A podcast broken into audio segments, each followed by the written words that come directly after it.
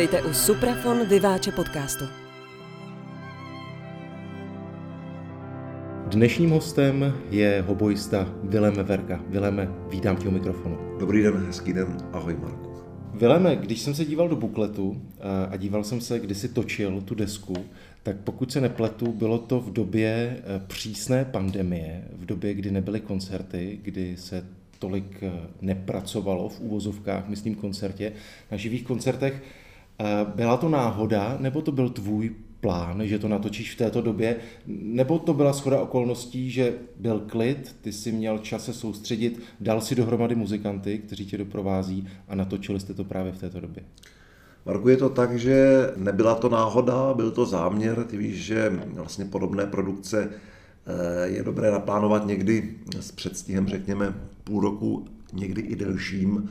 A zkrátka my jsme se trefili do toho nouzového stavu, který byl vyhlášen eh, ministrem vnitra v červeném svetru.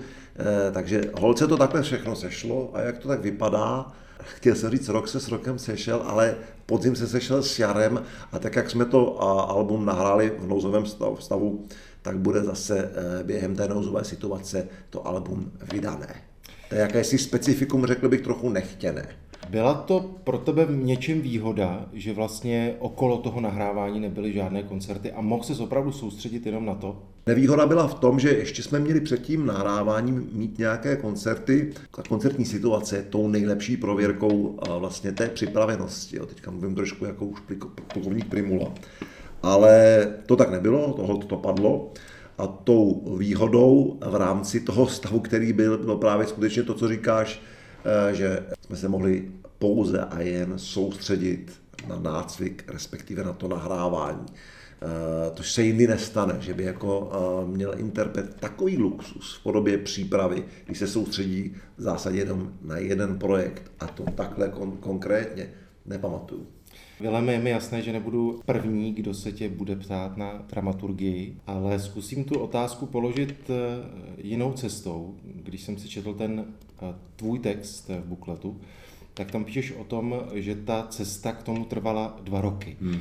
Byla to cesta hledání eh, repertoáru, respektive hledání věcí, které by mohly vedle sebe být na té desce, ať jsou každá z jiného žánru a jsou tam i věci, které vznikly speciálně pro tu desku.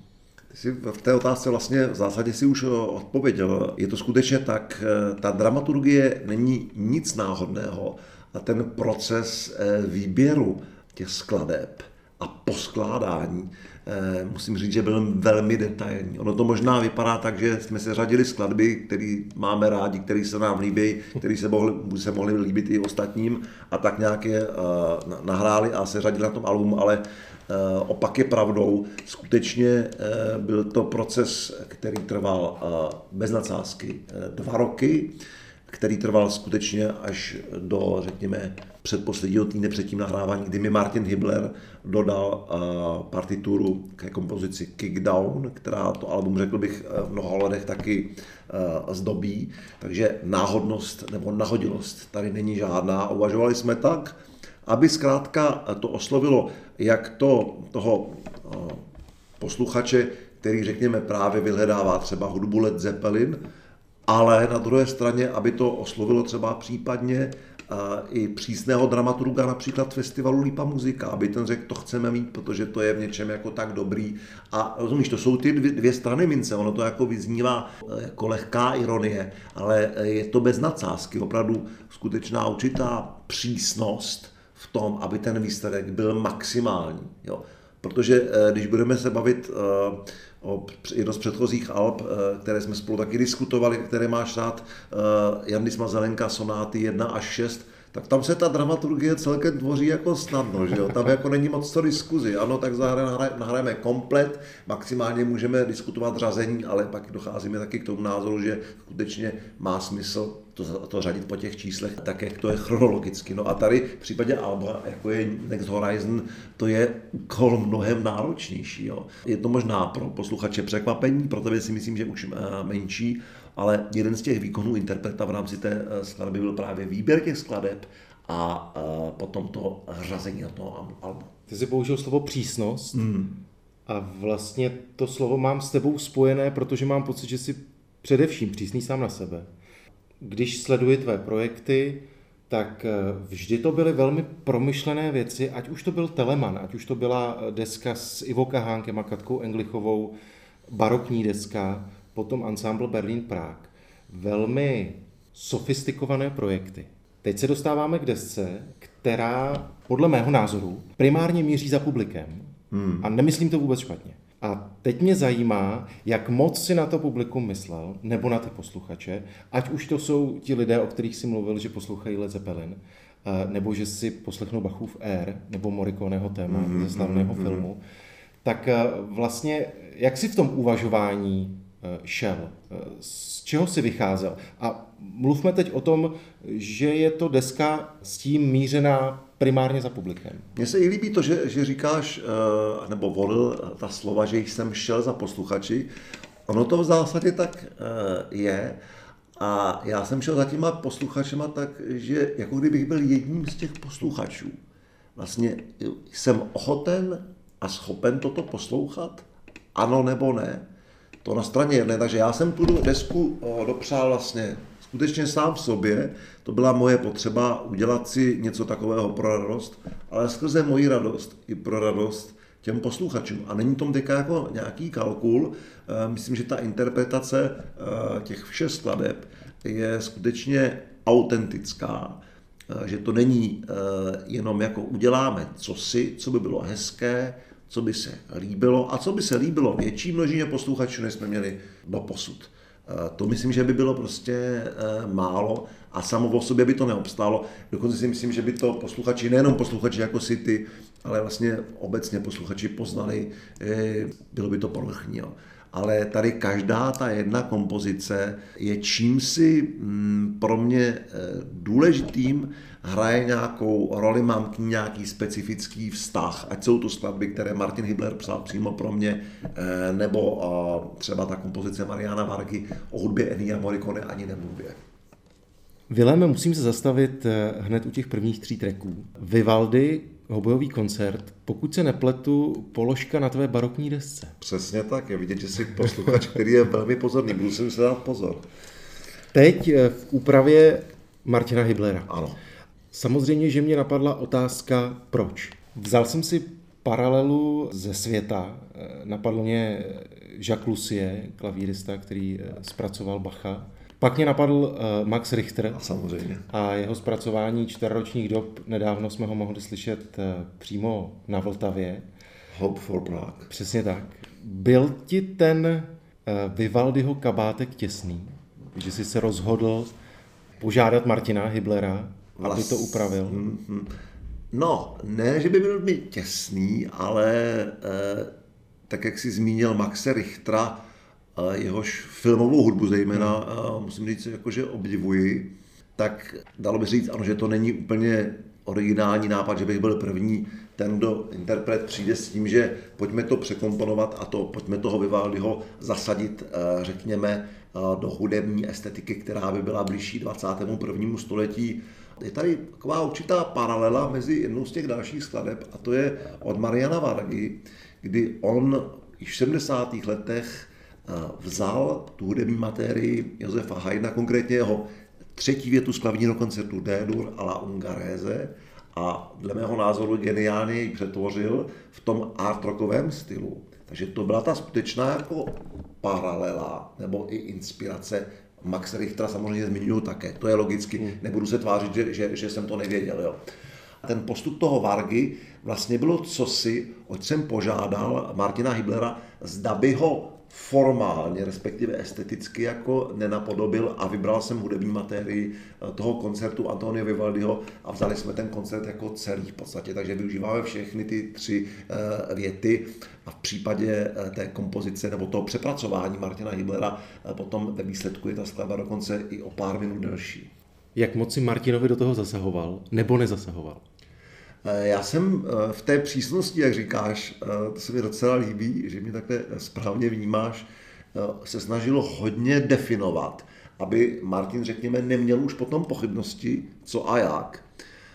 Takže ve výsledku jako já jsem jenom ho částečně nějak jako, dá se říct, vedl a to ještě hodně v úzovkách, protože on měl eh, těch podnětů ode mě eh, tolik a dokázal se toho taky bych řekl jako ctí a zdobí, že se dokázal vžít do, do té mé představy a co si asi tak jako představu jako interpret. Takže těch korekcí tam nebylo moc vlastně, jako úplně jenom minimální.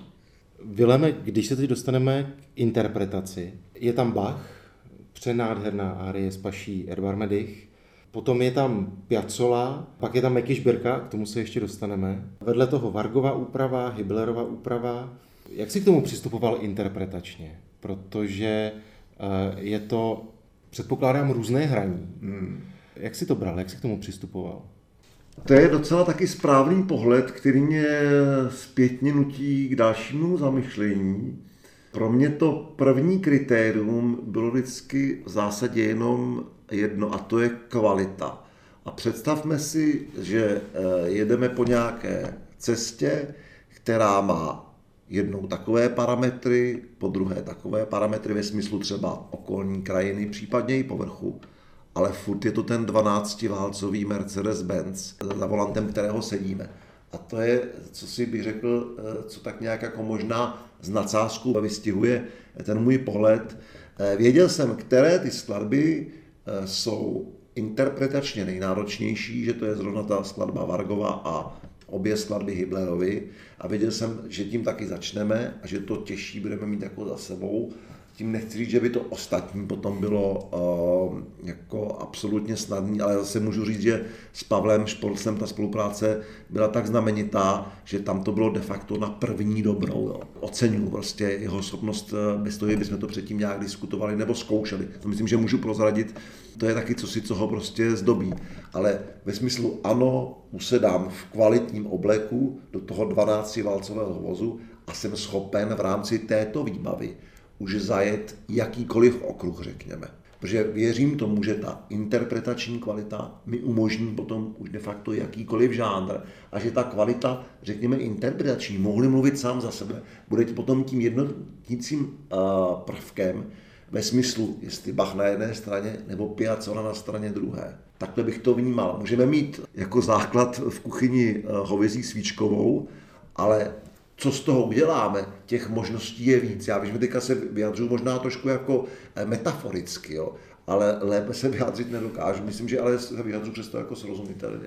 Zmínil si Piazzolu. Několikrát padlo jméno Bach, Martin Hibler. To jsou věci, které jsou poměrně předvídatelné. Ale vedle toho Led Zeppelin a Mekiš Birka.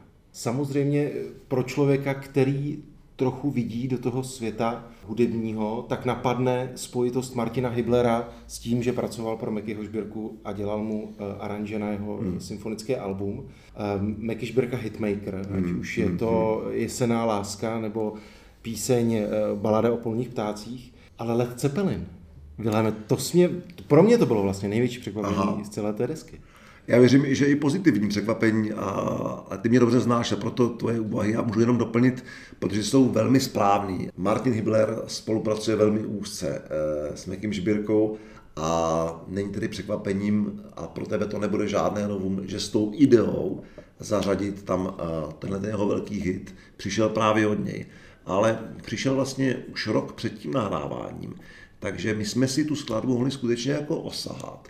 A tady bych zmínil i našeho společného přítele Matouše Vlčínského, který mi v tom nejlepším slova smyslu dělal jakéhosi konstruktivního oponenta.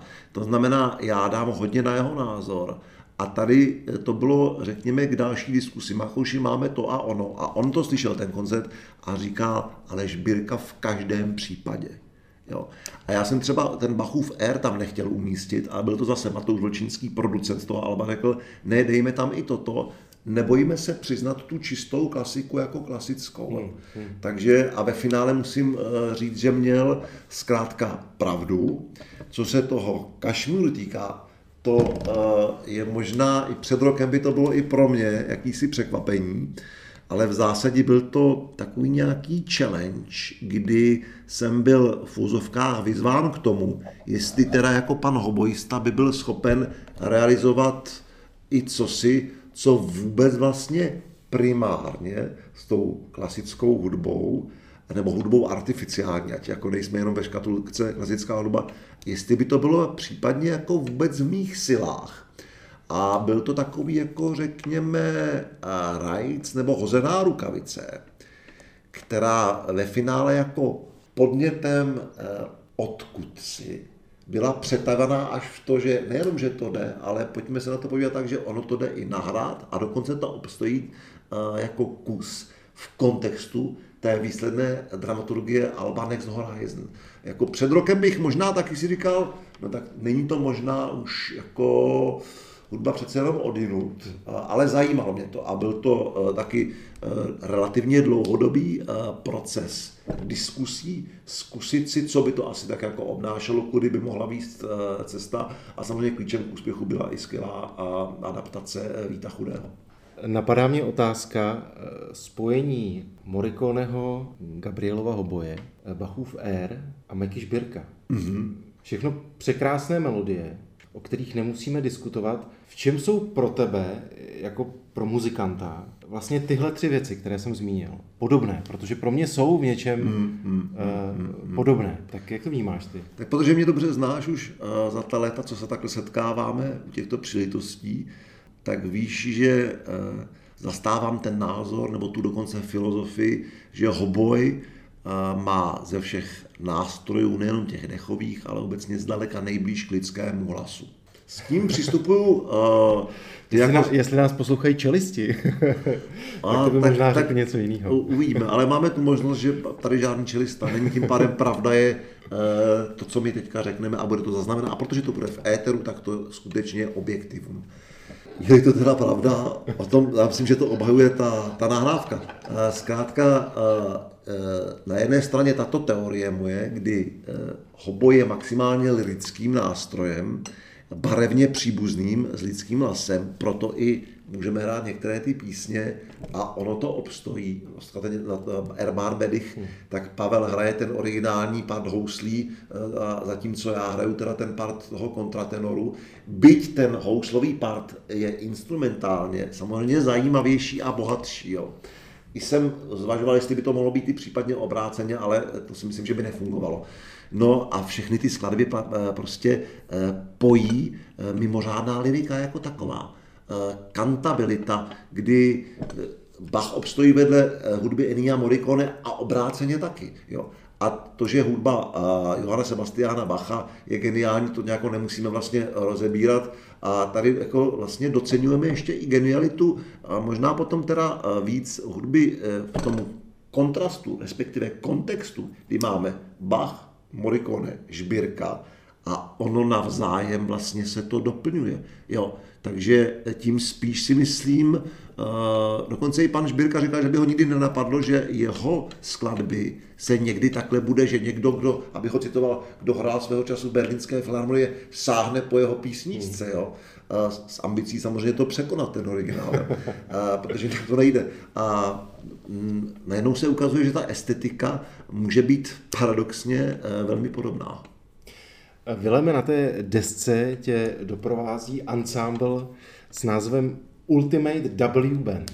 Tak eh, prosím představ, eh, jak ten ensemble, tak i ten název. Tak ten ensemble tvoří uh, muzikanti, kteří myslím, že ve svých oborech patří opravdu k těm nejlepším, které u nás máme k dispozici. A to, co, co jméno, tak to, to o tom svědčí, netřeba rozebírat. Lukáš Polák například, člen významného Stamicova kvarteta a tak dále. Teď bych mohl vzít Karel Untermiel Viola, každého jednoho člena a co, co jméno to opravdu ve svém oboru eh, pojem. Takže je to kapela, která to Ultimate eh, ve smyslu něco ultimativního co do interpretace, ale možná i co do té dramaturgie. My vždycky nadřazujeme interpretaci dramaturgii, myslím si, že by to nemělo být obráceně. A je ta inspirace i v tom, proč to W, ty dvě V vedle sebe, že to nějak e, jako evokuje moje jméno, je jednoznačné. Prostě e, věděl jsem, že to je projekt, který by nějak měl skutečně souviset přísně, jsem já ten přísně, tak přísně souviset se mnou ani ne ve smyslu té kunderovské nesmetrnosti, jakože jakási další signatura zde, ale prostě s čím, si, s čím jsem možná nejvíc identifikován. Jo, a věřím tomu, že i ty kolegové spoluhráči e, jsou zároveň identifikovaní s tím projektem. To znamená, to není žádná, já záměrně o tom mluvím jako o kapele, kde je jakási fluktuace hmm. lidí, ale je to o skupení muzikantů, kteří to mají jako jeden ze svých projektů a jsou v tom skutečně jako fixní. Jinak by to nemělo smysl. Blížíme se k závěru našeho rozhovoru. E, napadá mě otázka, kterou už jsem ti možná před lety e, položil, ale protože se člověk vyvíjí, tak mě zajímá ta odpověď teď, v tomto čase, ve spojení s tímto albem. Co ty by si spřál, aby člověk, který se zajímá o hudbu, nejenom o klasickou hudbu, si vybavil, když se řekne jméno Willem Weverka? Přál bych si, aby uh, to první, co se posluchači vybaví, možná bude jakýsi pocit a radosti, to znamená, třeba to nemusí být jakýsi přívlastek, ale řekneli se Weverka, tak aby uh, tahle ta informace Eh, znamenala třeba úsměv na tváři toho posluchače, to si myslím, že by nebylo vůbec, eh, vůbec málo, aby v zásadě hned naskočila nějaká kritéria, řekněme nějaká maximální kritéria ve smyslu ano, tento člověk takto tímto způsobem definuje hudbu a skrze tu definici vlastně objevuje nové možnosti hudby. A je to pro toho posluchače zároveň tak přitažlivé, tak atraktivní, že chce být opakovaně u toho. Poslední otázka bude eh, podobná jako pro všechny ostatní respondenty mých rozhovorů. Často se říká, že když eh, muzikant odevzdá master, tak v tu chvíli už myslí na nějaký další projekt. Je nějaký projekt, který by si třeba právě u Suprafonu realizoval jako další? Přiznám se, že těch projektů je vlastně i nahrávacích. Jo. Celá řada. Dovedu si pokrač, představit rozhodně mm, pokračování té, té, této desky. Věřím tomu, že to má zkrátka budoucnost a že, to, že tudy povede jedna z mých cest. A zároveň samozřejmě jsou to i třeba menší, ale možná i větší projekty. Všechno bude záležet taky na, na ekonomické situaci, protože ty víš, že Eh, každý takový projekt eh, je náročný i finančně. V dnešní době mm, těžko se děje to, že, že by ta deska si vydělala sama na sebe už ze své podstaty. Eh, třeba se to ještě nějak jako naučíme, nebo něco se v tom změní. Těch projektů je hodně. Rozhodně my Suprafon stál, nebo diskutujeme už dlouhá leta, to nahrát ty velké slavné koncerty pro hoboje a orchestr kde autoři jsou Bohuslav Martinů, Richard Strauss té první linii, to je co si, co by mě taky lákalo, ale přiznám se, že jsem jako dal tomu um, crossoveru přednost, že jsem nějak jako vnímal větší potřebu uh, toto udělat. Takže teďka bych tady mohl napsat na papír, řekněme, určitě pět, šest, možná i sedm titulů, který bych uh, si dokázal představit v horizontu tří let a jak to bude, eh, uvidíme. Myslím, že není, není kam spěchat a že rytmus co rok to jedna deska bych považoval za velký úspěch. Vileme, díky moc za tvůj čas, ať se eh, tomu dalšímu horizontu ve tvém životě daří. Děkuji. Marku, já tobě moc krát děkuji za pozvání.